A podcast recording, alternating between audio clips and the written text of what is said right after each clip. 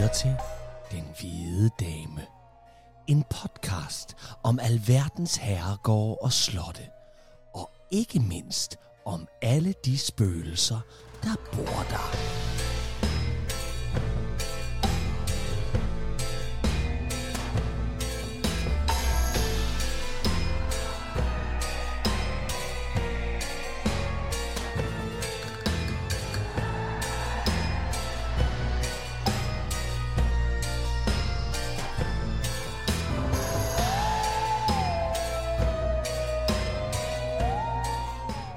Velkommen til Den Hvide Dame, afsnit 40. Hvis du er til Haggids historie og uhygge, så er der ingen grund til at søge andre steder hen end her. Mit navn er Trine Gadeberg, og overfor mig sidder vanen tro Kasper Lefebvre. Ja, Goddag, Kasper. goddag Trine. Så er vi her igen. Så er vi her igen. Ja, Allerede kun et lille år. ja. Afsnit Tids- 40, ikke? Afsnit 40, kun et lille års tid senere. Ja. Det er, Øhm. hvis vi kunne lave Den Hvide Dame en gang om ugen, så ville det være fantastisk. Som i de gode gamle Ja. coronadage. Ja, som er Ja, det gad jeg godt. Ja, Men øh, det kan vi ikke. nej. Men, øh, og så er der, kan man jo sige, nu er der jo så kommet det lille ekstra element over i, at vi jo også øh, at begyndt at tage ud og jage spøgelser i mellemtiden. Også det, ikke? ja. Det har godt nok været spændende. Ja, det har været sjovt. Ja. Så, det, så der er lidt af det. Men man Mm. kan sige, det er jo selvfølgelig ikke det samme som et fully fledged hvide dame program. Nej. Og det råd, øh, det råd vi båd på nu. Ja, vi er her nu. Vi er sidder her nu. Vi, Vi her optager i et øh, sommerhus, så lyden er måske en lille smule mere luftig. Øh, Ja, man kan måske. måske. måske høre nogle biler. indimellem. Måske en gang imellem. Og det må man tage med. Øh, det her, det er en, øh, en, øh, en sommerspecial. Ja. I øh, to afsnit om Edinburgh Castle Yes. i Skotland. Jeg er i Skotland. Du, du har faktisk, øh, du kan snakke lidt. Nej, Eller Kan det jeg er ikke. Hvis en skotte ville høre det, så ville de ikke synes, det var noget. Vel, Men du har sådan, du kan sådan nogle accenter, Kasper. Må jeg ikke lige høre, hvordan... Nej, jeg er tre. Helt Tre tre. to speak med Scottish. But it's not very well, is it? It's very good. Okay, men hvis en skotte hørte det, så ville de sidde, lige nu så ville de sidde og grine i deres røde skæg. Men grund Og til, få et vi... haggiskal i halsen. Ja, en haggis, Mm. som jo smager fantastisk. Det er Ja, det her fars med æg indeni, som er Det, er en fyldt formave puh, med fars og et æg. æg og Ja, hakket løg. Og ja, det ser på ingen måde, måde appetitligt ud. men det smager sgu godt. Det er meget godt. Vi har smagt ja. det. For vi har, været i, øh, vi har været i Edinburgh. For nogle år siden Ja. var vi til sådan noget comedy festival, som er der hvert Fringe år. Festivalen er den årlige festival, sådan teater øh, øh, øh, comedy performance festival, der varer i næsten en måned, ikke? Ja. Lige præcis. I, øh, i Edinburgh. Uh, Edinburgh, Edinburgh, Edinburgh. Der er mange måder at sige Edinburgh på, men Mm. øh, I, må, I må selv vælge jeres udgave. Trine er, vi vælger hver vores udgave af måden at sige det på. Mm. Ja, det er, øh, det er Skotlands øh, hovedstad. Mm. Øh, det er ikke en særlig stor by som sådan. Den er, den er ikke lige så stor som Glasgow, tror jeg. Nej. Men, øh, men det er en el gammel by, og særligt inden for, inden for murene er det jo en gammel by. Ja. Og øh, selve byen og de der gader og Edinburgh Castle er jo, øh, har været inspiration til mange ting.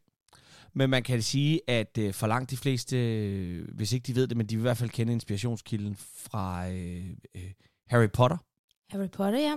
Slottet er, øh, Edinburgh Castle er, er, jo, er, er inspirationen til Hogwarts. Og øh, de gamle gader i Edinburgh er øh, de her gader, hvor når de er inde i byen og købe koste og alverdens ting. Jeg er ikke velbevandret i Harry Potter. Så jeg ved ikke, hvad den alley hedder, man går rundt i dernede. Og så er der mange forskellige alleys. Men det er der. Det har, øh, ja, det er J.K. Rowling selv øh, udtalt, at det, det var en stor inspirationskilde til hende. Og øh, nogle af de ting, der er sket i og omkring byen, har også lagt inspiration til rigtig, rigtig meget. Jeg kommer blandt andet ind på det i min historiske del af, af, af Edinburgh i dag, Mm. hvad, øh, hvad den har inspireret. Og vi har så valgt at køre to dele, Ja. fordi der er, da vi sådan begyndte at researche på Edinburgh Castle, mm. siger jeg, Mm. øhm, så fandt vi ud af, det, det, det stikker jo alle mulige andre steder hen også. Så øh, I dag handler det primært om øh, slottet, og for mit vedkommende om de spøgelseshistorier, der er på slottet. Ja. Og så får vi altså en runde to, hvor vi skal kigge lidt på, den, på de underjordiske gange. Men lad os kaste os ud i det, Kasper, øh, og høre historien om Edinburgh Castle, og jeg synes, du skal have noget rigtig vaskeægte Highland musik. That'll be great.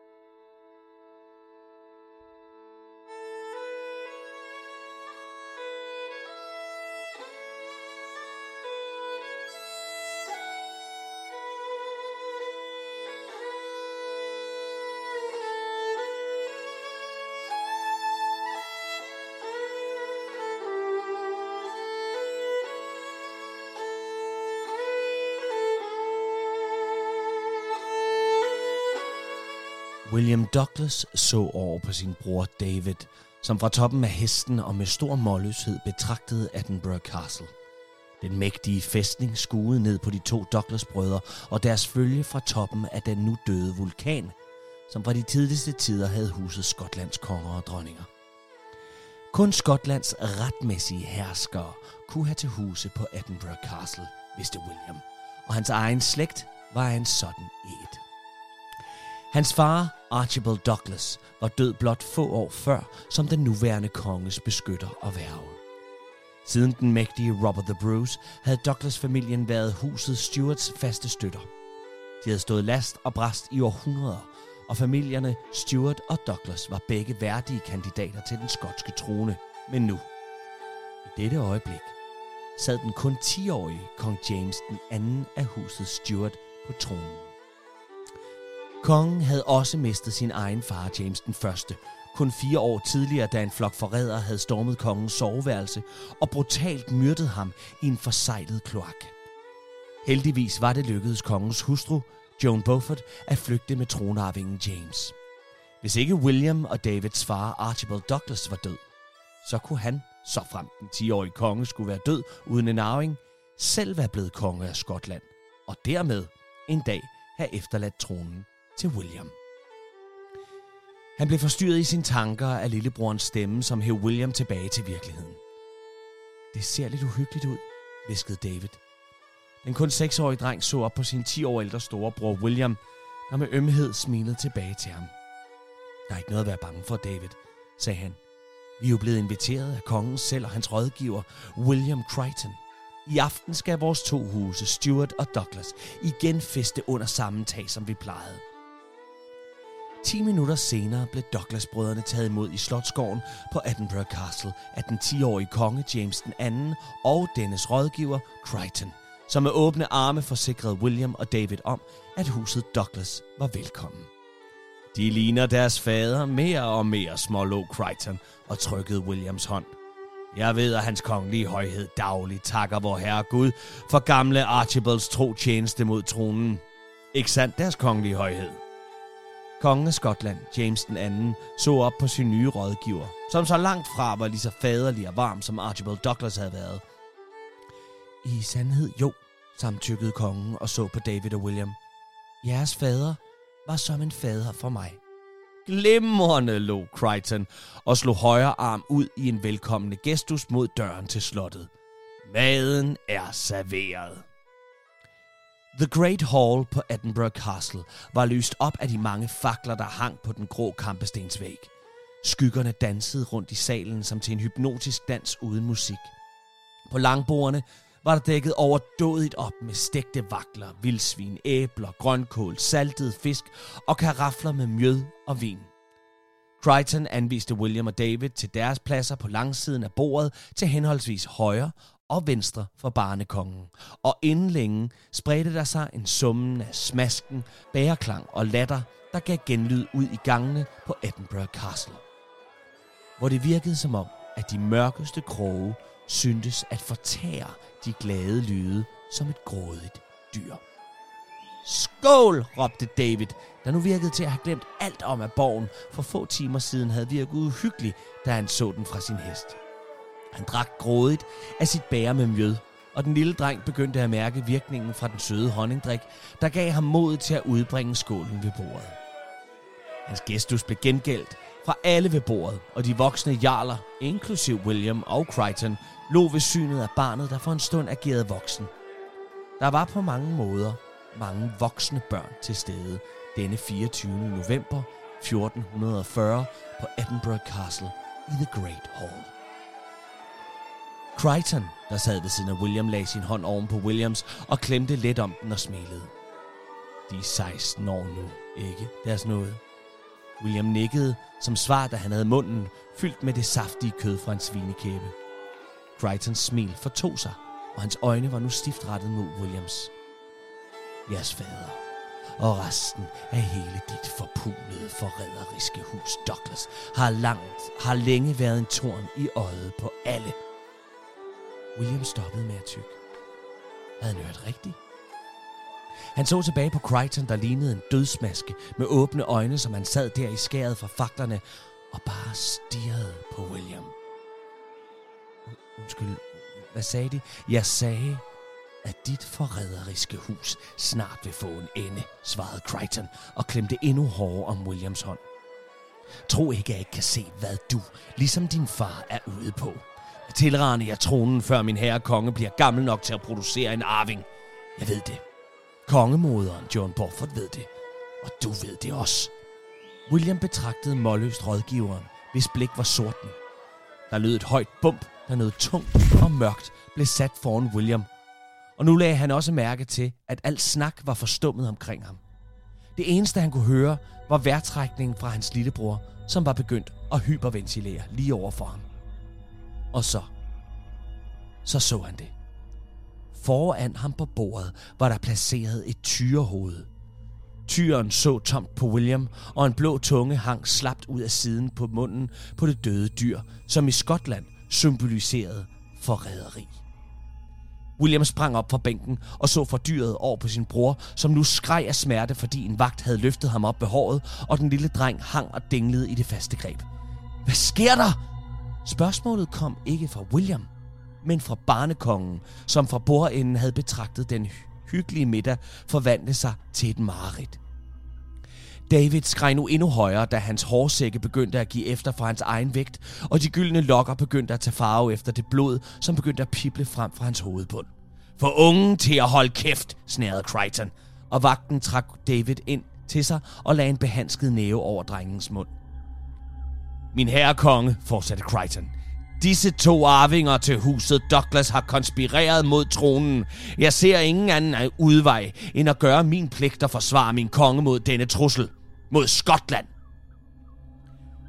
William Douglas så vantro for Crichton og videre over på kongen, som så lige så vantro tilbage på William. Min herre konge. James, det passer ikke, forsøgte William.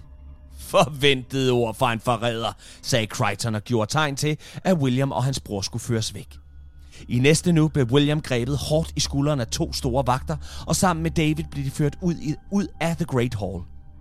Kongen brød ud i gråd og bønfaldte Crichton om at lade de to drenge gå. Det er enten dem eller deres kongelige højhed. Skotland kan ikke huse både en Douglas og en Stuart, svarede Crichton. De følgende minutter blev der ført en kort retssag på gårdspladsen, som mest af alt var for syns skyld. Kun anklager var til stede, men ingen forsvar. William forsøgte at protestere højlydt og råbe på hans mænd. Hans døde væbnere var ikke til meget hjælp, som de lå der på Edinburgh Castles kolde brolægning med overskåret halse. David var holdt op med at skrige. Han var hvid i ansigtet af skræk, og fulgte apatisk med, da ham og William blev ført over til den vestlige side af slottet. William så til, imens hans lillebror blev tvunget ned på knæ ved skarpretterblokken. Og et lydløst skrig undslap Williams læber, da han så den 10-årige drengs hoved rulle hen over gårdspladsen imod ham. Blodet fra Davids hals og hoved var stadig varmt, da William fik presset sit eget hoved ned mod blokken. Han forsøgte alle kræfter at gøre modstand, men det var en umulig kamp. Det sidste han så, var solen, der gik ned bag murene til Edinburgh Castle. Om lidt ville den også forsvinde bag vandspejlet på Loch Leven, hvor han havde fisket som barn. Som yngre. Han var stadig et barn på bare 16 år, da tohåndssværets klinge skar sig igennem halspulsåren, kvæste nakkevirvlerne og skilte hovedet fra kroppen på den sjette jarl af huset Douglas. Wow. Det er godt nok vanvittigt, var. En barsk historie. Historien her om den såkaldte The Black Dinner, som jeg startede med at fortælle her, er blot en af mange historier, der knytter sig til den gamle borg i Skotlands hovedstad Edinburgh. Faktisk så er denne historiske middag en direkte inspiration til George R. R. Martins The Red Wedding fra hans episke bogserie Game of Thrones, som flere nok har set som tv-serien af samme navn. Men lad os begynde ved begyndelsen. På toppen af Castle Rock, en gammel udslugt vulkan, ligger Edinburgh Castle strategisk velplaceret. Fjender kan spottes i alle retninger, flere kilometer væk, og det har man benyttet sig af så langt tilbage som til i bronzealderen. Arkeologer har fundet tegn på beboelse så langt tilbage som der, og siden har, har man holdt godt fast i dette militære anlæg i over 3.000 år. Faktisk så godt, at man med rette kan sige, at Edinburgh Castle er den mest angrebet borg i det britiske imperiums historie. Med lidt over 23 angreb igennem tiden, med alt lige fra bønders høtyve hen over engelske kongers katapulter til tyske luftskibes bombardementer. Men lige lidt har det hjulpet i forsøget på at tvinge denne historiske og elgamle kæmpe i knæ. Edinburgh Castle står solidt og sikkert, hvor den altid har stået i sin over 3000-årige lange historie, hvor de 1500 af årene alene har været som ren fæstning, hvis eneste formål var at beskytte og gennemtvinge respekt for de formastlige, som forsøgte at nærme sig stedet med slette planer. Vi ved ret præcist, at krigere har beboet borgen så langt tilbage, for Edinburgh Castle nævnes faktisk i et af de ældste skotske digte, vi kender, The Gododin. There was no one who more completely, from the fortress of Aden, scattered the enemies. Fortress of Aden er Edinburgh Castle. Som kongeslot har Edinburgh Castle fungeret siden David den første i 1100-tallet, og fra den gang står stadig den ældste bygning på hele borgen, St. Margaret's Chapel. Og som militær fæstning, så skal borgen for alvor stå sin prøve, da de skotske uafhængighedskrige begynder i 1296. Men den måske mest brutale krig med de engelske konger sker under den engelske kong Edward den første, bedre kendt som Edward the Longshank, lange skanker, og måske endda endnu mere kendt under endnu et øgenavn, Hammer of Scots, Malus Scutorum på latin. Med den knusende kraft fra en gigantisk hammer invaderede Edward the Longshank Skotland og Edinburgh i marts 1296. Denne krigerkonge var blandt andet kendt for sit enorme arsenal af datidens mest højteknologiske krigsmaskiner, heriblandt krigsulven. En såkaldt blide, som vi med nutidens øjne ville kalde for en katapult. Den kunne slynge 135 kilo tunge missiler, som dengang havde været massive jernkugler vædet i tjære og antændt med ild, over lange afstande, faktisk helt over 300 meter, mener man. I tre dage i træk lod Hammer of Scots sin, krig, sin krigsulv hyle ildkugler ned over Edinburgh Castles mure, indtil skotterne til sidst måtte give op, og de engelske styrker rykkede ind i borgen, hvor de blev de næste 18 år. Skotterne havde ikke den engelske konges dominerende krigsmaskinel, så at generobre borgen med magt var ganske enkelt udelukket. Men hvad skotterne havde og altid har haft, var snuhed. I 1314 fandtes der i byen Edinburgh en skotsk adelsmand ved navn Thomas Randolph, som var jarl af Moray. Han satte sig for at generobre borgen.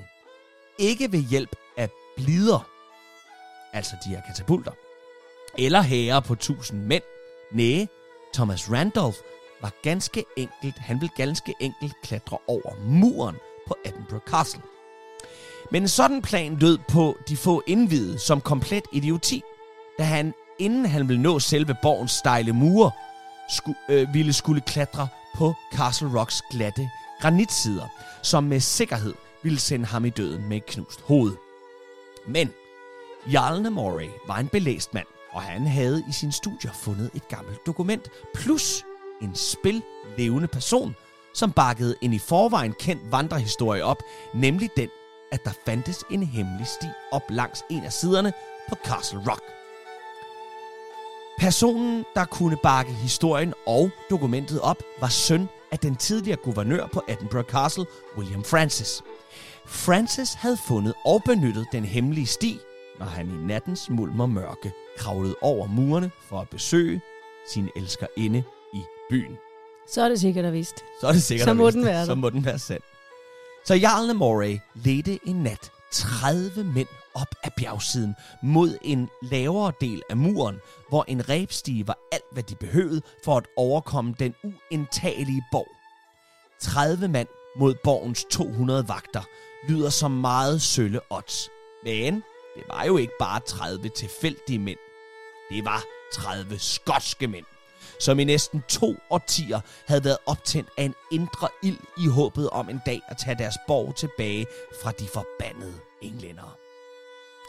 I ly af mørket sneg de sig rundt på murene, hvor de en efter en lydløst skar halsen over på de udstationerede nattevagter. I løbet af en nat havde William Francis og hans mænd slagtet alle inden for murene, og da solen stod op ude i horisonten over Nordsøen, lød der en højt klagende knirken fra borgporten til Edinburgh Castle, som blev åbnet indefra og lukkede flere hundrede bevæbnede skotter ind. Men den skotske kamp for uafhængighed sluttede langt fra her.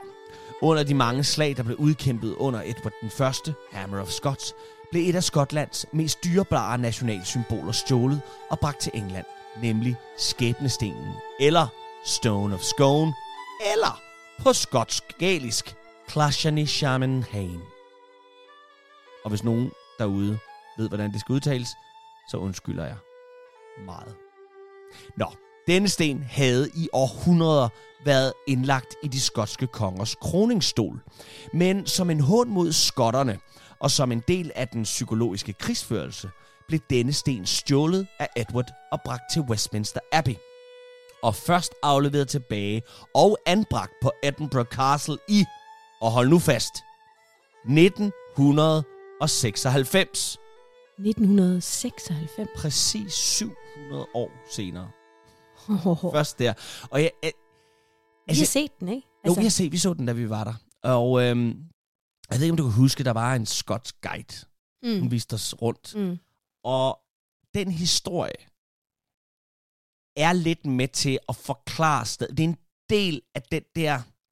Du ved, lidt som vi har det med svenskerne, men det der bare er ved det, det er Sverige, Sverige, Danmark og Danmark. Vi har ikke noget ellers med hinanden at gøre. Men skotterne har lidt det samme forhold til englænderne, men de er jo stadig en del af The Commonwealth. Og skotterne har jo længe nogle dele af Skotland, de meget nationalstærke partier i Skotlands øh, parlament, har jo længe vil have uafhængigheden. Og når man hører sådan en historie om et så stærkt symbolsk nationalt symbol, blive stjålet og først afleveret tilbage 700 år siden. Nu kan jeg så sige, nu har skotterne levet uden det i 700 år, så for mange glemmer de det nok, men den blev først afleveret tilbage. Der var lige en enkelt gang i 1950, hvor nogle skotske studerende rent faktisk stjal stenen og begravede den ved byen Kent. Og der blev den så gravet op og leveret tilbage lige i tide til kroningen af dronning Elizabeth i 1953. Men 20-godset kom altså tilbage på skotske hænder i 1996 og bragt til Edinburgh Castle. Senest der blev stenen faktisk bragt ud af Edinburgh Castle og udlånt ved kroningen af kong Charles. Men den er nu tilbage på dens retmæssige plads i den skotske muld, hvor Edward the Longshanks stjal den fra i 1296. Helt sindssygt, altså.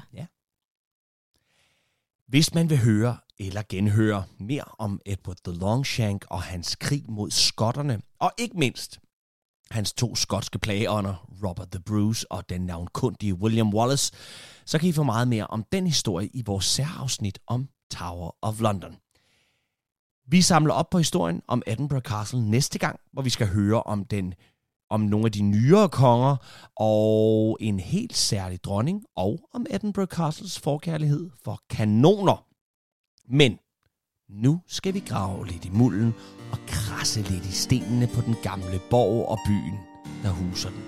Vi skal nu høre om spøgelserne på Edinburgh Castle.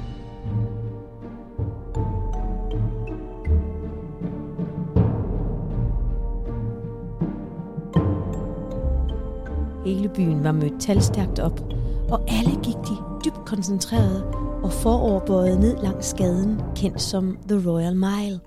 En gade, som forbinder Edinburgh Castle og Holyrood-slottet, som er den britiske monarks officielle residens, når de er i Skotland. Man skulle tro, at sådan en kæmpe menneskeskare ville frembringe en masse lyd, larmende mennesker og fodtrin, skrigende børn osv. osv. Men der var nærmest ingen lyd. Man lyttede nemlig efter en helt særlig lyd, lyden af en sækkepipe.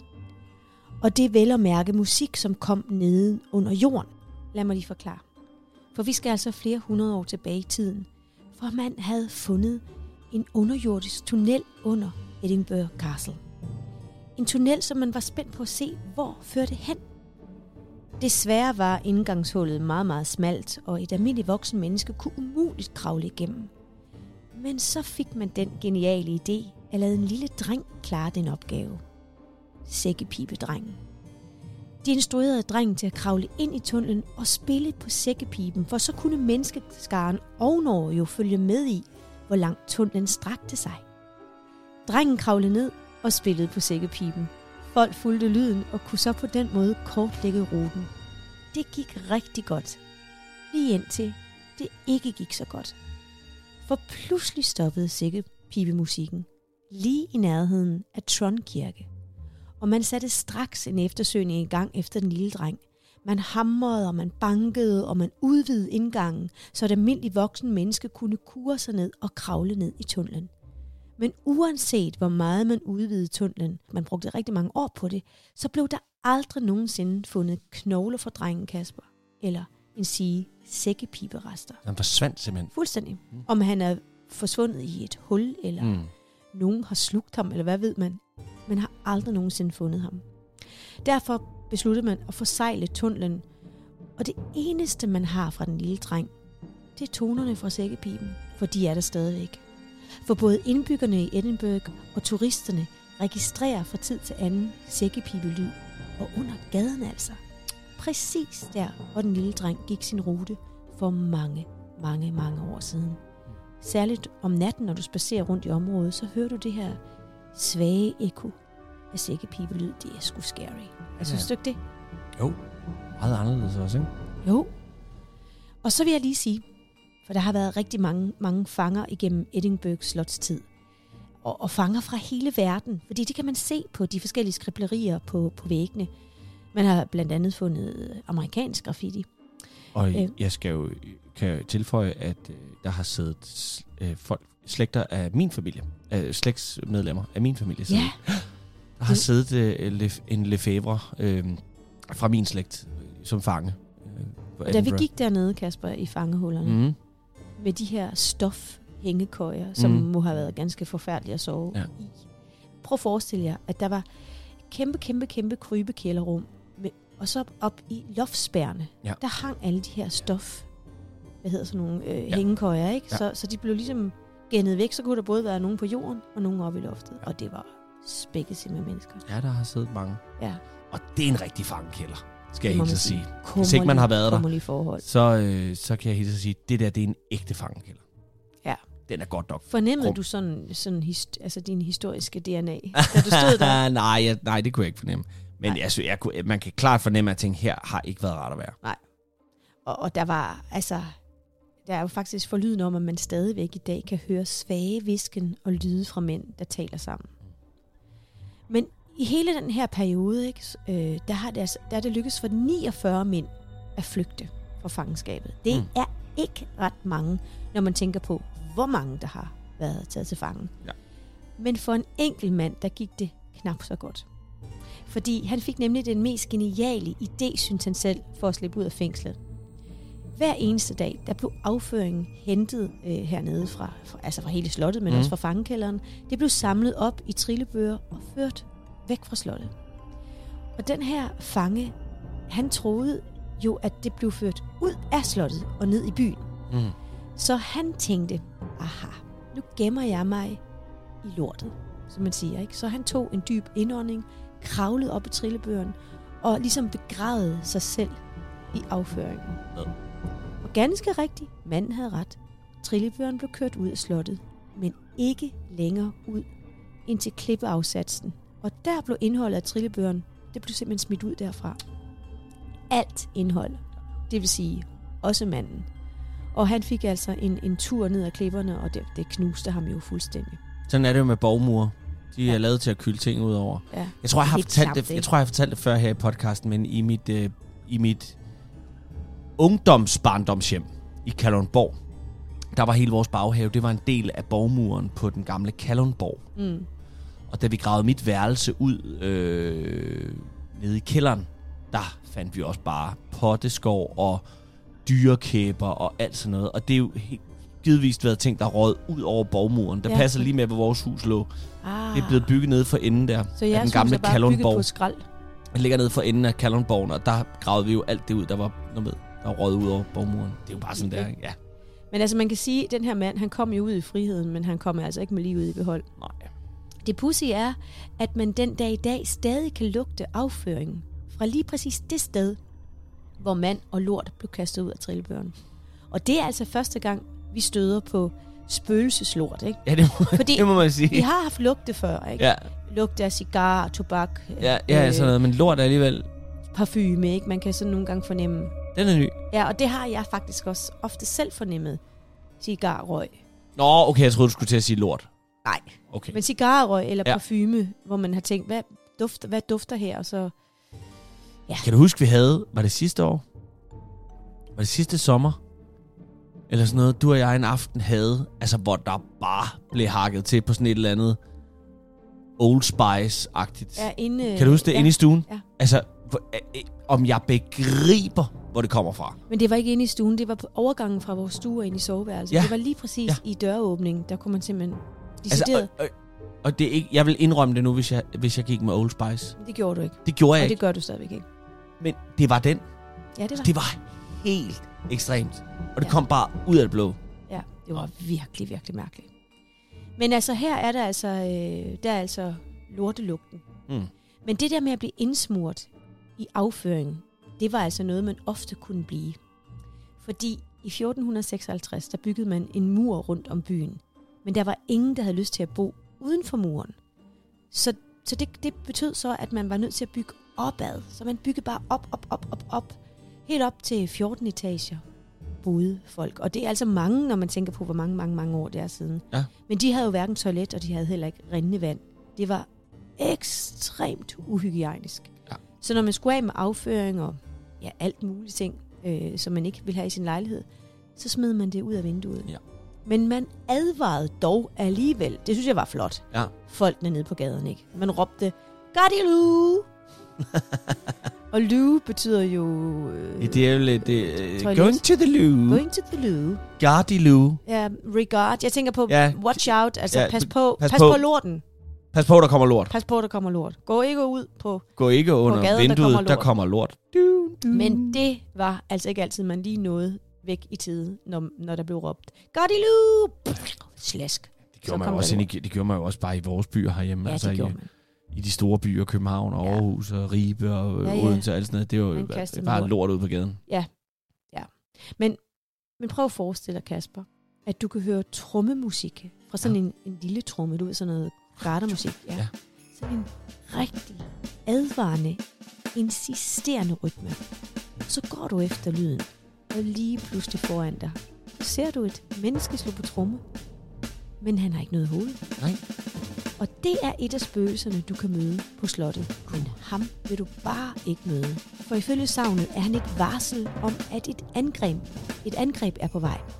For da man så ham første gang i 1650, der gik han op og rundt på murene og trummede hele natten, akkompagneret af, sådan, af tonerne til sådan en gammel skotsk krigsmelodi. Og dagen efter blev slottet angrebet og anført af Oliver Cromwell. Hmm. Øhm, det er altså uhyggeligt, at han er hovedløs. Ja. Og, og man kommer lidt til at tænke på, på en skæbne, øh, som øh, til øh, øh, skikkedes den gamle konge Charles den første. Altså året før i 19, nej ikke i 19, i 1649, Mm. der blev han øh, væltet, anklaget for forræderi, og der blev han altså halshugget. Så det er altså lidt øh, underligt. Altså et år efter, altså i 1650, der møder man den hovedløse trummedreng. Øhm, og hvis man altså støder på ham i dag, det, det, det vil man helst ikke, fordi så, øh, så betyder det altså, at slottet kommer under beskydning. Man beretter altså stadigvæk, altså personalet fortæller, at man fra tid til anden stadig kan høre svage trommelyde om natten. Så hvis du møder den hovedløse trommedreng, så kan du regne med, at helvede er løs på jorden. Men der er altså også en grå dame, som øh, spørger på, på slottet. Hun vandrer rundt på slottet, og ofte så hun øh, i følgeskab med en lille hvid hund. Hun vandrer hvileløst rundt, og hun græder, og hun jamrer, og det er meget, meget, meget hjerteskærende. Nærmest sådan som skrig. Man mener, det er Janet Douglas, som led en forfærdelig skæbne. Hun blev brændt på bålet, som så mange andre kvinder gjorde dengang uden grund. Og lige præcis i Edinburgh var der 300 kvinder, der blev brændt. Og hele den øh, øh, hekseforfølgelse, den kommer jeg til næste gang. Okay.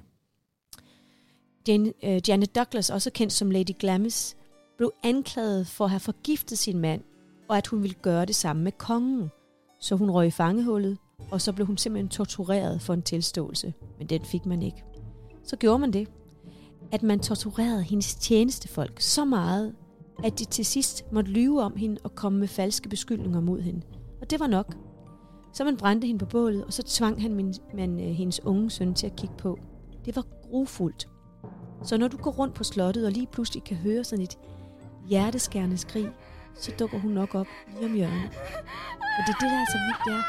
Hun skriger, og man hører det, og så kommer hun gående. Man har faktisk også hørt øh, spøgelsesagtige arbejder, som byggede på den platform, hvorpå hun blev brændt. Mm. Mm. Altså man har hørt bankelyde og sådan snak fra, fra arbejderne. Nu nævnte jeg en hund. Den Ja. lille hvide hund. Ja. Men der er flere hundespøgelser på slottet. Måske fordi, at der er en helt særlig hundekirkegård, som blev anlagt i 1837 under dronning Victorias regeringstid. Der er sådan en øh, øh, kirkegård med små gravsten, hvor man kan se hundenavnene og hvem de tilhørte. Den ældste, man kan se, fordi meget er altså Ja. skraveret væk øh, gennem tiden, men man kan altså se øh, en lille gravsten, hvor der står Yes fra 1881. Han var regimentshund fra, fra det øh, regiment, som man kaldte øh, The Black Watch.